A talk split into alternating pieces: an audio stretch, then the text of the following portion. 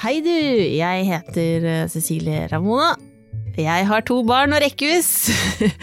og det er jo flere ting som eh, er min identitet, men akkurat nå så er det ganske altoppslukende. Har du bæsja?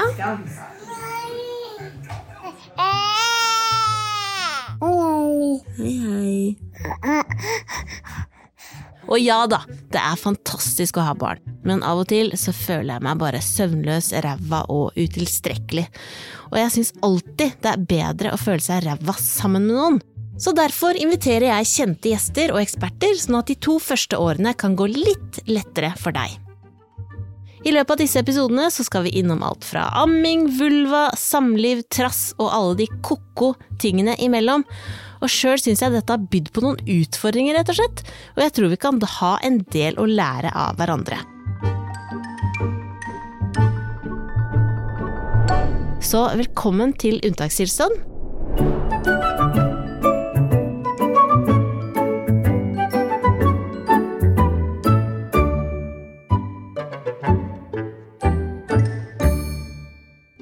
Dag så skal vi holde oss i starten, i denne lille, rare barselbobla. Og jeg har vært gjennom to barseltider de siste to årene, og før førstemann så hadde jeg faktisk knapt holdt en baby. Jeg kunne null, nada, niks, og jeg hadde sett for meg lange kafébesøk. Eh, jeg skulle se helt rå ut med bæresele, bare naile livet og fikse alt sammen sjøl.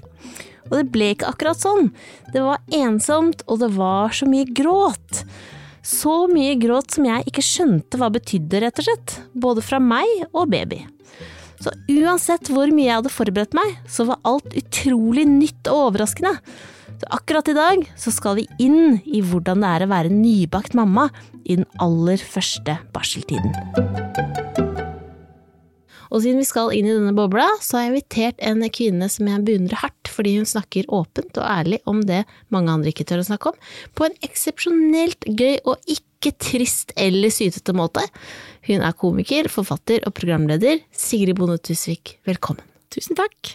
Du er jo her for å løfte spiriten uh, til de som hører på akkurat nå. Ja. Uh, det skal vi få til. Det skal vi få til. Og jeg vet ikke med deg, men selv om jeg trodde, når jeg fikk barn, så trodde jeg hadde forberedt meg godt. Ja. Men det viste seg at jeg bare hadde tenkt på føding. Absolutt. Det Var det samme? Dumt. Eh, jeg eh, lagde jo et TV-program på TV 2 da jeg fødte mitt barn. Eh, nettopp fordi jeg ville at folk skulle ikke bare huske på fødselen.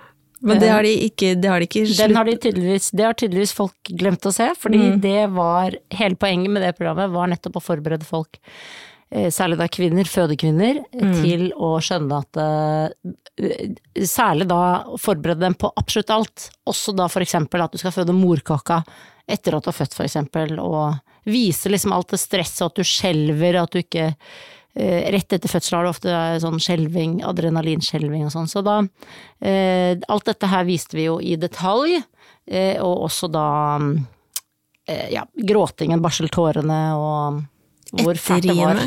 Etteriene og og bacon og bæsjen og bleia og Du hadde alt på stell du da? Eh, nei, jeg hadde jo ikke det, men jeg visste på en måte at eh, at dette her var eh, fælt, eller sånn. Mm. Jeg hadde jo gjort veldig mye research til programmet, og vi skulle dokumentere hvor fælt det var, jeg, men jeg visste på en måte dette skal være fælt, pluss at jeg er en kriseromantiker, så jeg forbereder meg ekstremt mye til forferdelige ting. Og eh, blir da derfor mer positivt overrasket når det da ikke er så ille som jeg har sett for meg. Mm. Jeg grudde meg for eksempel enormt mye til å føde morkaka.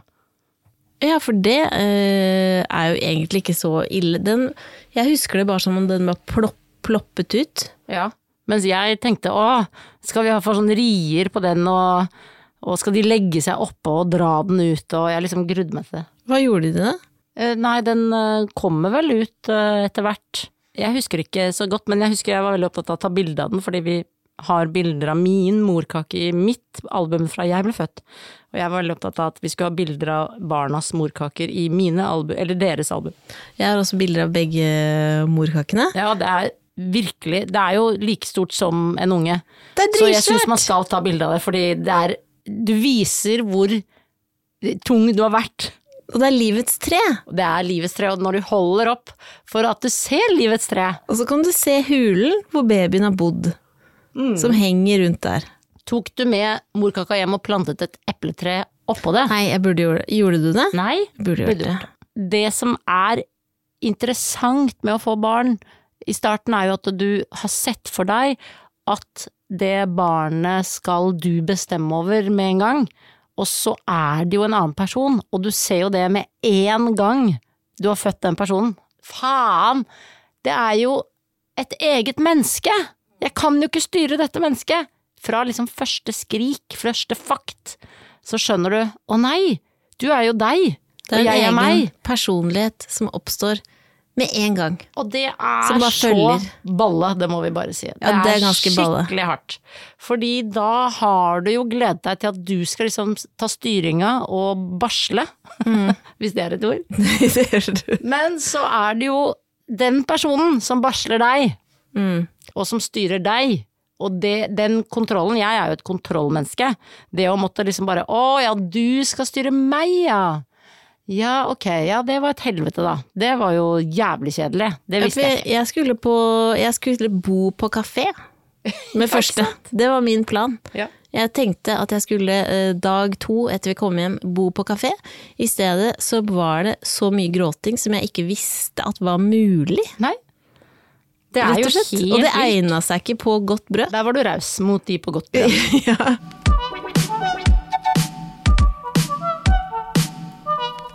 Vi sitter jo her og snakker om det, to damer som fødte for en stund siden.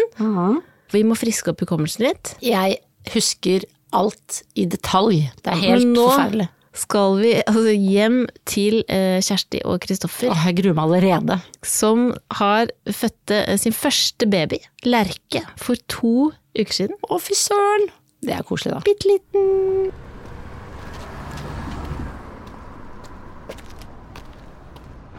Nå står jeg utenfor huset til Kjersti, som fødte en liten baby for veldig kort tid siden. Og det er to, det er to uker siden, og allikevel så er hun så ekstremt raus at vi får lov til å komme eh, på et lite barselbesøk, en liten innsjekk. Og siden hun er så raus, så har jeg planen om å ha det perfekte barselbesøk. Det vil si være så kort som mulig, for det er slitsomt å ha baby. Ha med bakst, ha med gave og ta med søpla når det går. Tenker jeg er smart, da. Hallo! Hei, hjertelig velkommen. Hvem er du? Jeg heter Kristoffer. Er det barnefar? Ja. Jeg er blitt pappa. Gratulerer. Akkurat nå er vi inne i et sånt eh, det ultimate barselhjørnet, fordi det er fyr i peisen. En stor sånn ørelappstol med eh, en liten puff til bena, som du kan sitte og amme i.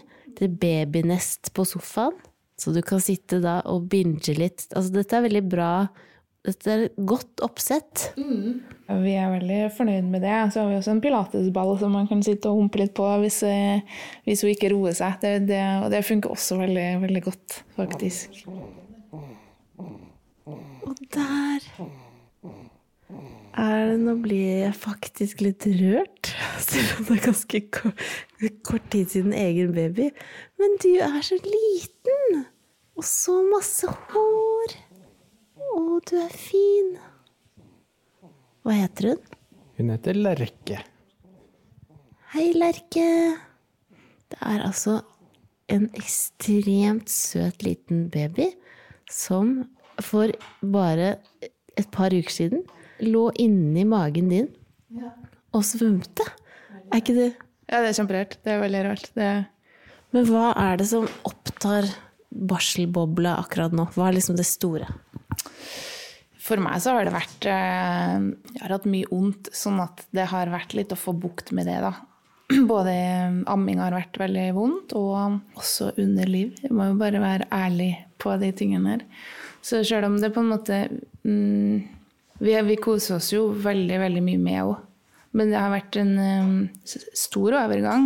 Hva er det som har overrasket deg mest, da? Det har vært så overveldende mye litt sånn negative greier da, med det her. Så jeg er litt sånn eh, mye smerter, lite søvn. Det er jo på en måte det, Man vet jo at det kommer, men, men det, har, det har fylt så mye, så det, jeg tror jeg er veldig overraska over det. Og jeg er litt, litt, sånn, litt redd for å måte virke for negativ, fordi vi er jo, vi er jo veldig, veldig, veldig glad for den situasjonen her. Det er skikkelig, skikkelig rar situasjon å være i. Bare hele det å gå høygravid, og så plutselig skal du presse ut ungen, og så er det vondt, og så er det så sinnssyke forandringer som skjer med kroppen etterpå. Så det er jo bare helt spinnvilt.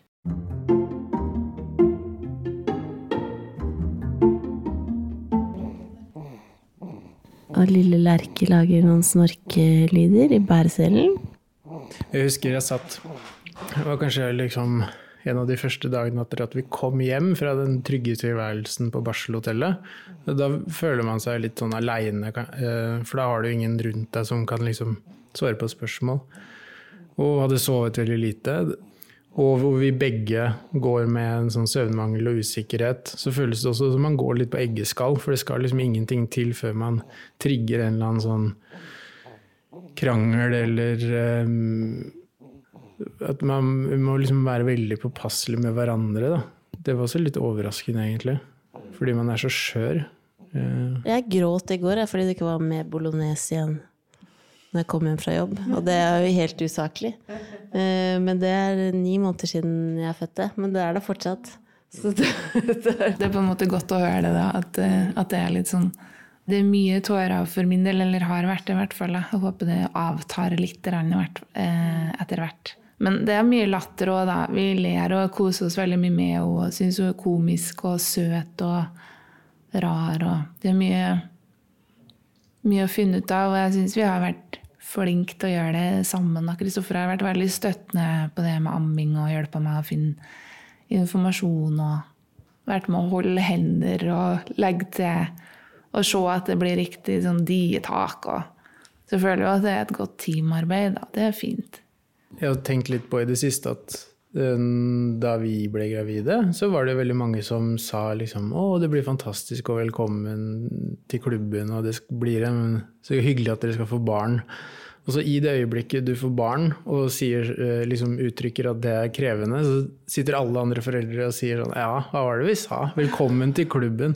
Som om de liksom har skjult det faktum at det, vært, eh, at det er vanskelig å ha barn. For alle sånn rosemaler det før de får barn, og i det øyeblikket barnet kommer, da liksom slipper de løs med virkeligheten og, og reflekterer over hvor tøft det er. da.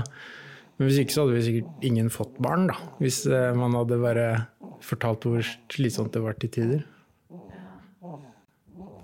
Neimen, hei! Litt våken. Hva sier du, Lerke?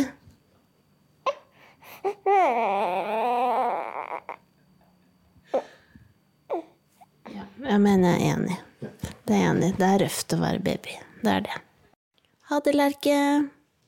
Og hun vinker med en bitte liten hånd.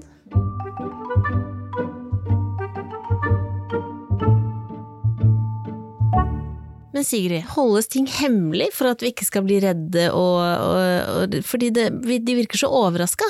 Ja, folk glemmer veldig fort når de selv har fått barn, så du glemmer veldig fort for eksempel da, ikke sant, at kroppen din, eh, sånn som hun mammaen her da, hun um, har jo kjempestore smerter etter fødselen. Uh, og det skal jo trekkes, ikke sant, livmoren skal trekke seg sammen, og du har ganske mye kramper og sånne etterier.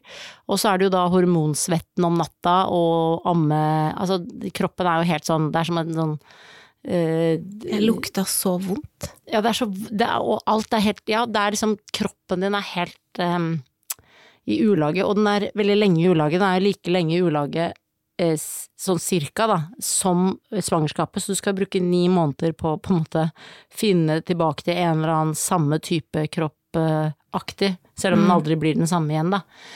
Um, og så er det jo det at eh, alle vet at de er slitne og at det er lite søvn, men alle får sjokk. Det er jo det er jo hemmeligheten vi foreldre har, ikke sant. Når vi for eksempel snakker om med foreldre, eller kjærestepar som ikke har blitt foreldre, og som forteller hvordan de skal gjøre det når de får barn, for eksempel, da, som jo er veldig gøy. Når du har blitt forelder, så kan du da blikke andre foreldre, fordi du vet at de som da ikke har barn, de skjønner ingenting, liksom. Mens du som da har vært igjennom det, vet at det er et helvete. Akkurat sånn som de sier, ikke sant. Og så er det sånn, eh, Kjersti snakker om at hun eh, sliter med noen smerter i underlivet, og det er jo viktig å presisere, alle vulvar og babyer eh, og damer er forskjellige. Noen skjer det ingenting med, går helt fint, noen har keisersnitt, noen revner masse. Jeg ble overraska over hvor mye skade som ble gjort, rett og slett. Inni tissen. Og det som man ikke får noen informasjon om etterpå. Det står ikke i noen papirer hva som skjedde. Ingenting. Eh, absolutt Du kan ikke søke det opp. De ser ikke inni tissen din når du har født. Er det, det er så hovent at det, det er som at noen har Noen burde se inn i tissen min, eh, og noen burde skrive her 'dette skjedde'. Jo, men Skjønner de du? vet ikke at det har skjedd. De vet ikke, men da syns jeg det er for teit at jeg da, at det er mitt ansvar eh, å eh, enten gå til fastlege eller jordmor på kontroll seks uker etterpå for å sjekke det. Altså Ja, jeg vil bli kalt, bli inn. inn. Jeg blir kalt inn, da skal du seks uker etterpå, så skal du til gynekolog. Ja. Her er timen, og så skal de se, her er det som har skjedd, ja. og forklare det. Helt enig. Men husk at rett etter fødsel, så til bare forsvar for leger og jordmor, da er det, det er så hovent at det, eh, det er liksom Når det blir sydd feil, så er det ingen som har gjort det for moro skyld, eller eh, bare sydd liksom Ja, men vi hadde så dårlig tid, liksom. De prøver å sy deg virkelig så godt de kan, Mm. men det er helt vanvittig. Du har vært gjennom tidenes eh, kamp, tidenes krig. Det er det farligste et menneske kan gjøre, er å føde. Du er så hoven og fucka der nede at man må ikke bli så rasende på det, men man må dessverre, når vi ikke har et system ennå som plukker opp da mødrene, så må man være god til å si jeg føler at det er noe galt i tissen her. Dere må se på det, enten når du ligger på barselhotellet, eller idet du da eh, merker Da må du dessverre slippe opp som mamma og si nå må noen passe på denne babyen, for jeg må gå til lege, for det kan ikke være normalt. Ja, for det var jo faktisk eh, den eneste jeg har hørt snakke om det, er deg. Ja. Ikke sant? Så da var det jo deilig at du hadde snakka om det. Ja. Og jeg tror også at eh, ikke høre på de eh, damene som sier sånn ja, men jeg har jo uh, tissa på meg 50 år, jeg. Det, og det skal du ikke godta! Eh, eh, ja, ja, ok. Ja. Jeg skjønner. Så det er vanlig. Greit. Fordi det som er med kvinner, du har ikke tid til å tenke på deg selv når du akkurat har født barnet ditt. Så da går jo du for lut og kaldt vann. Du har fett hår, du har helt vanvittige smerter i tissen fordi du også har smerter i puppene hvis du ammer. Eller så har du skammen hvis du ikke får til å amme. Så du har altså så mye greier og alle de hormonene at det er jo det siste prioriteringen er jo deg og underlivet ditt. Men nettopp det, ikke sant, at du hører at kvinner går rundt i årevis og holder det skjult for mann og alt mulig, har vondt under sex og alt mulig. Det er også et ansvar du har som kvinne. Dessverre, siden vi ikke har et system som plukker deg opp, så må du som kvinne gå og si dette eh, kan jo umulig stemme. Men, Ja. ja, det er viktig. Men ikke akkurat etter du har kommet hjem med baby. Ikke se på tissen med speil da, liksom, for da er det bare du kan se på tissen med speil, men da må du i hvert fall si til jordmor jeg skjønner at du hadde vanskelighet med å si det. ja, Fordi her er det eh, voldsomt. Den første bæsjen til mor. Eh, Den er det mange som lurer på, og ikke tør å spørre. Nei, jeg vet ikke hvordan man skal håndtere den eh, bæsjen, for Den den er er, jo forsteinet. Ja. Eh, fordi du har jo ligget i mange timer og født. Eh, Altså, jeg hadde jo tidenes fødselsskade mm, på siste barn, eh, og det var, det var virkelig Altså, da skjønte jeg at nå ødela jeg Du skjønte det da det skjedde, Altså, jeg skjønte både da jeg fødte Jens at dette var dumt, mens i øyeblikket Ja, i øyeblikket, fordi Ja. liksom, jeg sto jo, så da datt jo hodet ut, og man er jo løsere i underlivet med andre barn, så ofte kjennes det ut som liksom, nesten hele graviditeten kjennes det nesten ut som Jens skulle dette ut av tissen, liksom at det var sånn trykk på en måte, for man er litt sånn løsere i, i andre unge, jeg vet ikke om du følte det? Du jeg følte det samme. At det liksom datt litt ut, og så man er jo løsere, og det går fortere, og jeg pressa da, da Jens uh, ut på egen uh, maskin, uh, utenom rier. Altså, jeg eh, juksa, og det må du ikke gjøre. Eh, Så du må ikke presse du må ikke presse når, Når du ikke, når kroppen ikke sier eh, press. ja, ikke? Altså, jeg presset utenom en rie. Nei, jeg hadde ikke trykketrang. Nei, ikke sant. Det var lenge før trykketrang. Ja, ikke sant. Så da kom han ut, da skjønte du underveis Nå skjedde det. Eh, ja, og eh, absolutt. Men når jeg da ble Jeg ble jo lagt i narkose og sydd og sånn, men når da bæsjen skulle komme ut, så hadde jeg jo på en måte fått Movicol og sånn som skulle gjøre at bæsjen da ikke skulle ikke skulle være hard. Eh, men fødebæsjen lå jo da som en propp først. Ja, Og den. da når den kom eh, ut, så skjønte jeg jo at eh, nå ødela jeg den syingen Her må det sys en eller annen gang på nytt igjen. Og så var det jo nettopp det at når jeg kom tilbake et halvt Nei, ett år senere, så sa jo Majak, som er eh, veldig flink gynekolog på Ullevål, at jeg burde ha kommet før, ikke sant. Og det var jo min, litt min feil, på en måte, fordi jeg, jeg hadde fått bare beskjed om at eh, når du blir sydd på denne måten, så blir du kalt inn. Men du burde jo gått da eh, eh, I hvert fall til en gynekolog eller altså et eller annet. Altså jeg burde gjort det. Men da, med to barn drakk jeg jo i hvert fall ikke det. Da tenkte jeg ja ja, da skal jeg bæsje på meg resten av livet. Så jeg også er jo en sånn elendig mor som ikke tar vare på egen kvinnehelse, og, og liksom tenkte ja, nei men de ringer vel da fra Ullevål og sier nå kan vi komme og sjekke, nå kan du komme og sjekke rumpehullet ditt. Og hun sa jo da du burde jo vært inne her for eh, et, i hvert fall et halvt år siden da. Men Ikke det sant? skulle du liksom ha Ventet tatt altfor lenge. Ja, og det, skal man da, det må man da faktisk stort sett ta ansvar for sjøl. Dessverre så må du det i Ja. disse tider. Eh, man kunne ønske seg, og vi kan godt kreve å gå i 8. mars-tog for å få det gjennomført, men det tar politisk lang tid, vet vi jo. Kvinnehelse tar ca. 1000 år før vi får Ja. til ting. Så da, eh, innen 1000 år, så tenker jeg at du må dessverre da eh, være klar over at du må fikse det sjøl, og så må du spørre alle rundt deg. Liksom, hadde du også vondt? Hvor vondt hadde du? Eh, hva gjorde du? Hvilken gynekolog gikk du til? Hør med venninnene dine hvilke gynekologer de går til, hvem de liker, hvem de ikke liker, eh, og spar penger eh, for at du Og kjæresten din mener jeg skal sponse deg i det, med at, eller i hvert fall betale halvparten av den regninga, for det er faktisk du som har født ungen til denne medpassasjeren. Enig.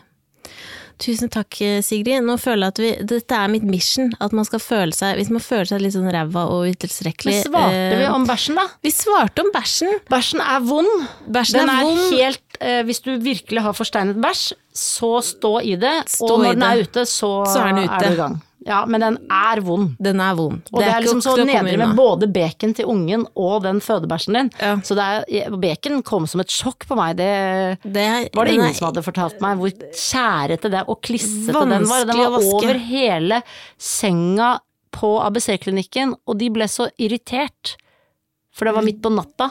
Så de måtte ja, skifte de hele måtte senga. Skifte. og jeg merk, liksom, du er jo veldig frynsete, så jeg følte at hun kjeftet på meg, hun jordmoren, fordi Jenny hadde beka hele senga. Jeg tror, jeg tror egentlig ikke hun kjeftet på meg, men Det var eh, ikke Jenny sin feil. jo, Jenny føler jeg Det var i hvert fall ikke min feil, men jeg føler det var Jenny sin feil. Men du Sigrid, jeg skal ringe fattern. Å ja, det orker jeg ikke. Oh, Eller jeg nei. er veldig glad i faren din, da. Ja, men da Men skal du. han forklare om føding? Han skal forklare litt om hva som skjer etterpå, altså hvilke hormoner det er snakk om. Ja, det er smart. Hva er det som skjer? Bare for å få litt Ikke bare meg som sitter og uh, rører, liksom. Vi må ha litt faglig input, og da bare bruker jeg fatterne.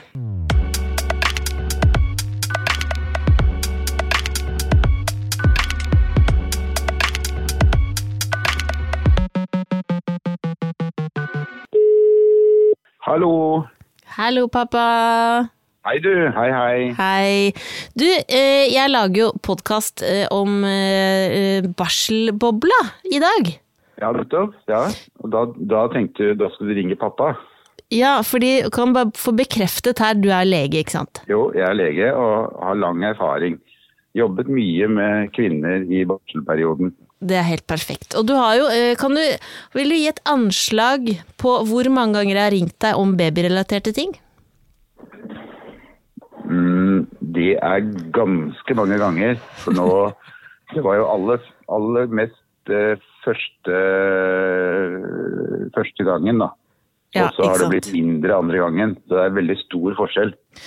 hvilke hormoner eh, er det som raser rundt i kroppen? Altså det er veldig mye. Hvis man er heldig, da, så får man en liten dusj av dopamin, lykkehormonet. Eh, og etter at man er født, så kommer oksytocin, som eh, er viktig for amming og eh, for livmorhelsen, men også kan bedre tilknytningen til barnet.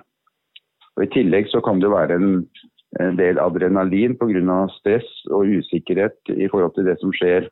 Og så er det slik at morkaken produserer store mengder progesteron og østrogen.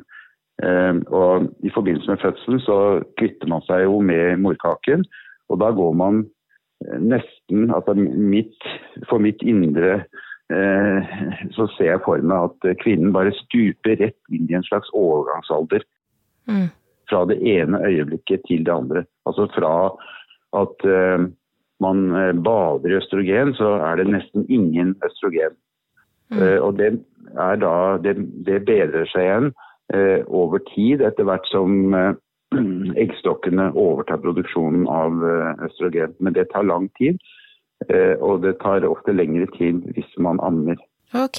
Man klarte seg ganske bra på lite søvn i starten, og så kommer det en knekk etter hvert. At det har liksom gått greit, man har holdt, holdt ut, liksom, og så kommer den store knekken. Er det Ja, noen måter ja. liksom Er det Det bare jeg slett- slitenhet? Det tror jeg rett og slett er tiden.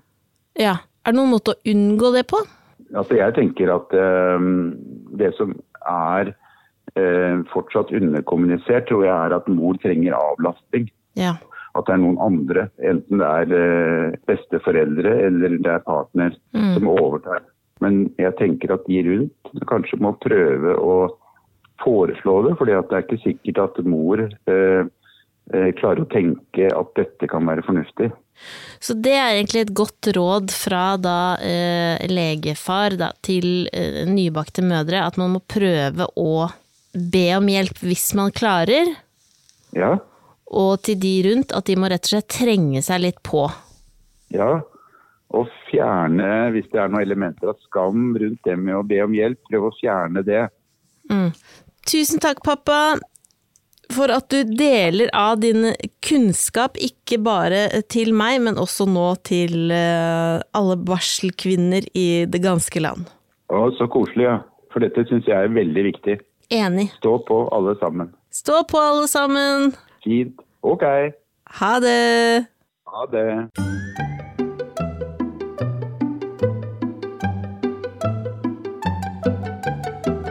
Første barn, da var det korona. Eh, og det var bare gråting døgnet rundt. Vi satt helt alene. Uh, jeg gråt og gråt og gråt og gråt. Fikk en skikkelig knekk. Og så, barn nummer to, da bodde svigers hjemme hos oss. Det hørtes hardt ut. men det var faktisk uh, Det var jo det, var, det var en dag hvor jeg sto i andre etasje i voksenbleie og baris. Og var rasende. og, og med kjempestore brystvorter. Altså, de var så store, og så kommer da Vi har én dusj, kommer svigerfar opp trappa, ser på meg, blir som et spøkelse i fjeset og snur, og jeg står der sånn jeg har aldri følt meg mer ufresh. Jeg lukter altså ny svettelukt. Ja, tenk men at barnet vil ha den svettelukten. Det er det den vil ha. Psyko-unger, men si. samtidig så var det noe godt med å ikke være helt alene, så det er jo et poeng der. Det er det, og det er det du må øve deg på. Du må øve deg på at nå er jeg jo i, utgangspunktet er jeg helt nervevrak, og jeg er rasende på han jeg elsker som jeg har laget barnet med, og vi elsker det barnet, men vi har lyst til å kaste det barnet ut av verandaen. Og det må alle nybakte mødre huske på, det er veldig vanlig at du har lyst til å kaste barnet. I søppelbøtta eller ut av vinduet. Så det er ikke noe uvanlig. Men hvis vi glemmer å si dette til disse mødrene, Så, tror man man er gæren. Ja, da, du går rundt da inne i leiligheten og tenker dette kan jo umulig være normalt, at jeg har lyst til å drepe mitt eget barn. Jo, det er veldig vanlig. Jeg prøvde jo å presse SMS-er på deg i starten når du var gravid med ditt første barn, og for å skrive at du måtte forberede deg på føding, for eksempel. Men jeg ville ikke, jeg ville spørre deg om mange ting, jeg ville ikke plage deg. Det må man gjøre! Ja, det er det, Vi det er sitter det altså nå. kvinner på kvinner på der ute og kan helt vanvittige ting, og som har, vi har jo lært det. Og vi, vi vet ikke hvordan vi skal presse oss på de nyfødende, fordi de er sånn ja, men jeg vil klare det selv. Du, du klarer det selv, men du klarer det også ikke selv. Mm. Og det er så barnslig Du må på en måte bare innrømme 'jeg klarer det ikke selv'. Og så må du øh, Og så er du jo skuffa når du kommer til helsestasjonen, for da er alle svar sånn ja, jeg vet ikke, det er jo litt an på barnet, da. Og hvordan dere gjør det hjemme. Så tenker du faen hva slags ubrukelig helsestasjon er dette, så hater du plutselig helsesykepleieren øh, mer enn barnet ditt, og mer enn øh, medmor eller medfar, og da er det helt Altså, du, du hater alt rundt deg. Godta det. Godta at du hatet fødselen din, hatet jordmor, lege, sykehuset. Godta at du hater partneren din, godta at du hater barnet ditt, og at du hater eh, alle rundt deg og helsestasjonen. Og det er jo fordi du gjør for første gang noe nytt som du aldri har gjort før, og eh, du er jo vant til en skolegang der lærere og alle, der du liksom har noen å måle deg til å strekke deg etter. Mens med føding så er det bare sånn. Nei, dette skal jeg klare alene, for det har jeg sett på Instagram at alle andre gjør, liksom. Det er Mm. helt psyko. Du må vise sårbarheten din, og også spørre de som har født. Spørre mamma, eh, svigermor. Selv om de svarer 'det husker jeg ikke', så planter du et lite frø i hodet deres, og så plutselig så ringer de deg to dager senere. 'Jo, jeg tenkte på det du nevnte der. Jeg tror jeg også hadde det sånn', sier de da plutselig. Så eh, problemet, føler jeg, er at eh, vi er litt sånn dårlige på å spørre. Det overrasker meg. Hver gang jeg møter en gravid kvinne som skal føde, så tenker jeg hvorfor spør du ikke meg, som har født to barn, eh, om alle de dumme spørsmålene dine, og hvorfor er du ikke nysgjerrig på føding eller barseltiden? Det er ingen som spør eh, hva skal jeg gjøre under fødselen? Hva gjorde du som var smart? Hva skal jeg gjøre når jeg eh, får ungen med hjem? Eh, Hva, hva er det beste rådet ditt da? Hva, hva, hvor, hvor, hvordan skal jeg få til å amme? Hvorfor er du ikke nysgjerrig på det? Det er, det er som at eh, norske jenter tror at eh, ja, men da overtar naturen. Det da overtar det dyriske meg, og jeg skal bare få til det, og det skal bare dette ned i hodet mitt som en, en selvfølge. Vi, er du klar over hvor mye vi utdanner oss i dette landet? Og så leser eh, jenter omtrent knapt en bok, det eneste de er opptatt av, er å puste seg gjennom fødselen. Mm, positiv fødsel. Det er veldig, veldig, veldig rart å ikke være mer nysgjerrig på den tiden etterpå, og også egentlig langt fram i tid. Dette er det jo mange som skriver om, og denne podkasten skal snakke om det. Men eh, Så derfor er det veldig viktig, om man skal si å, enda en barnepodkast, enda en barselpodkast. Ja, det er sinnssykt viktig, fordi tydeligvis så er folk for lite nysgjerrige, og de skjønner ikke hvor de skal hente infoen fra, og de bruker ingen flinke folk som har erfaringen.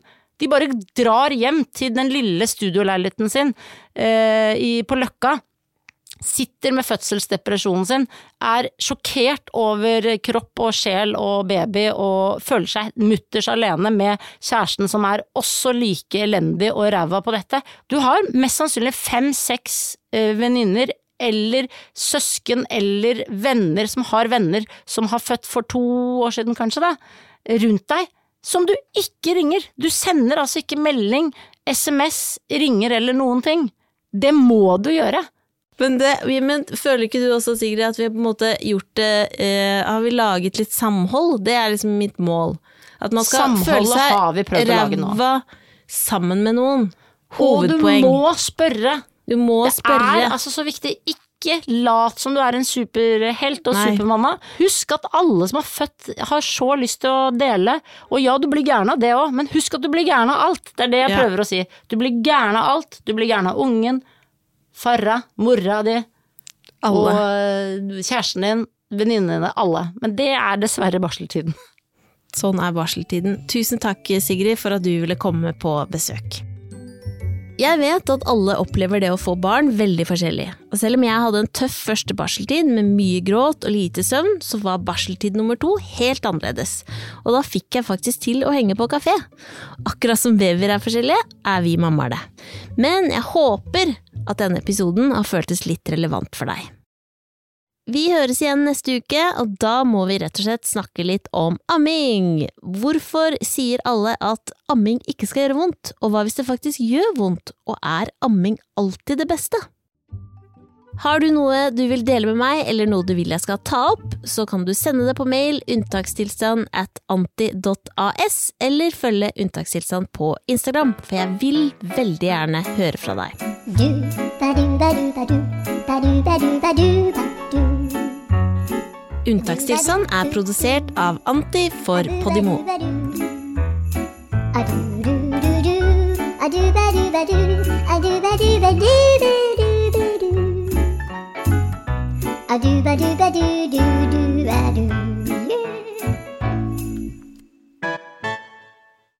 Og du, kjenner du at du har det ordentlig vanskelig akkurat nå, så vil jeg tipse om Mental Helses døgnåpne hjelpetelefon på 116 123.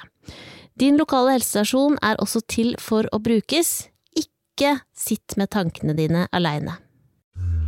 Hei, Cecilie Ramona Kåss Furuseth her. Ikke alle kan si at de har et tverrfaglig team som hjelper deg med helsespørsmål, men det har jeg her. Legen, psykologen og meg, en helt vanlig kvinne, svarer på alle dine spørsmål i podkasten Ha det bra. Og hvilke spørsmål er det som kan dukke opp, egentlig? Hvordan kommer man seg ut av kjærlighetssorgen, Jan Ole? Det er et godt spørsmål, Minna. Jeg lurer på hvor mange Paracet man egentlig kan ta. Ja, så har du et spørsmål om kropp og sinn, det kan være stort eller lite, rart eller flaut, så send det til oss i hadebra at podimo.com, fordi alt vi vil er jo at du skal ha det bra.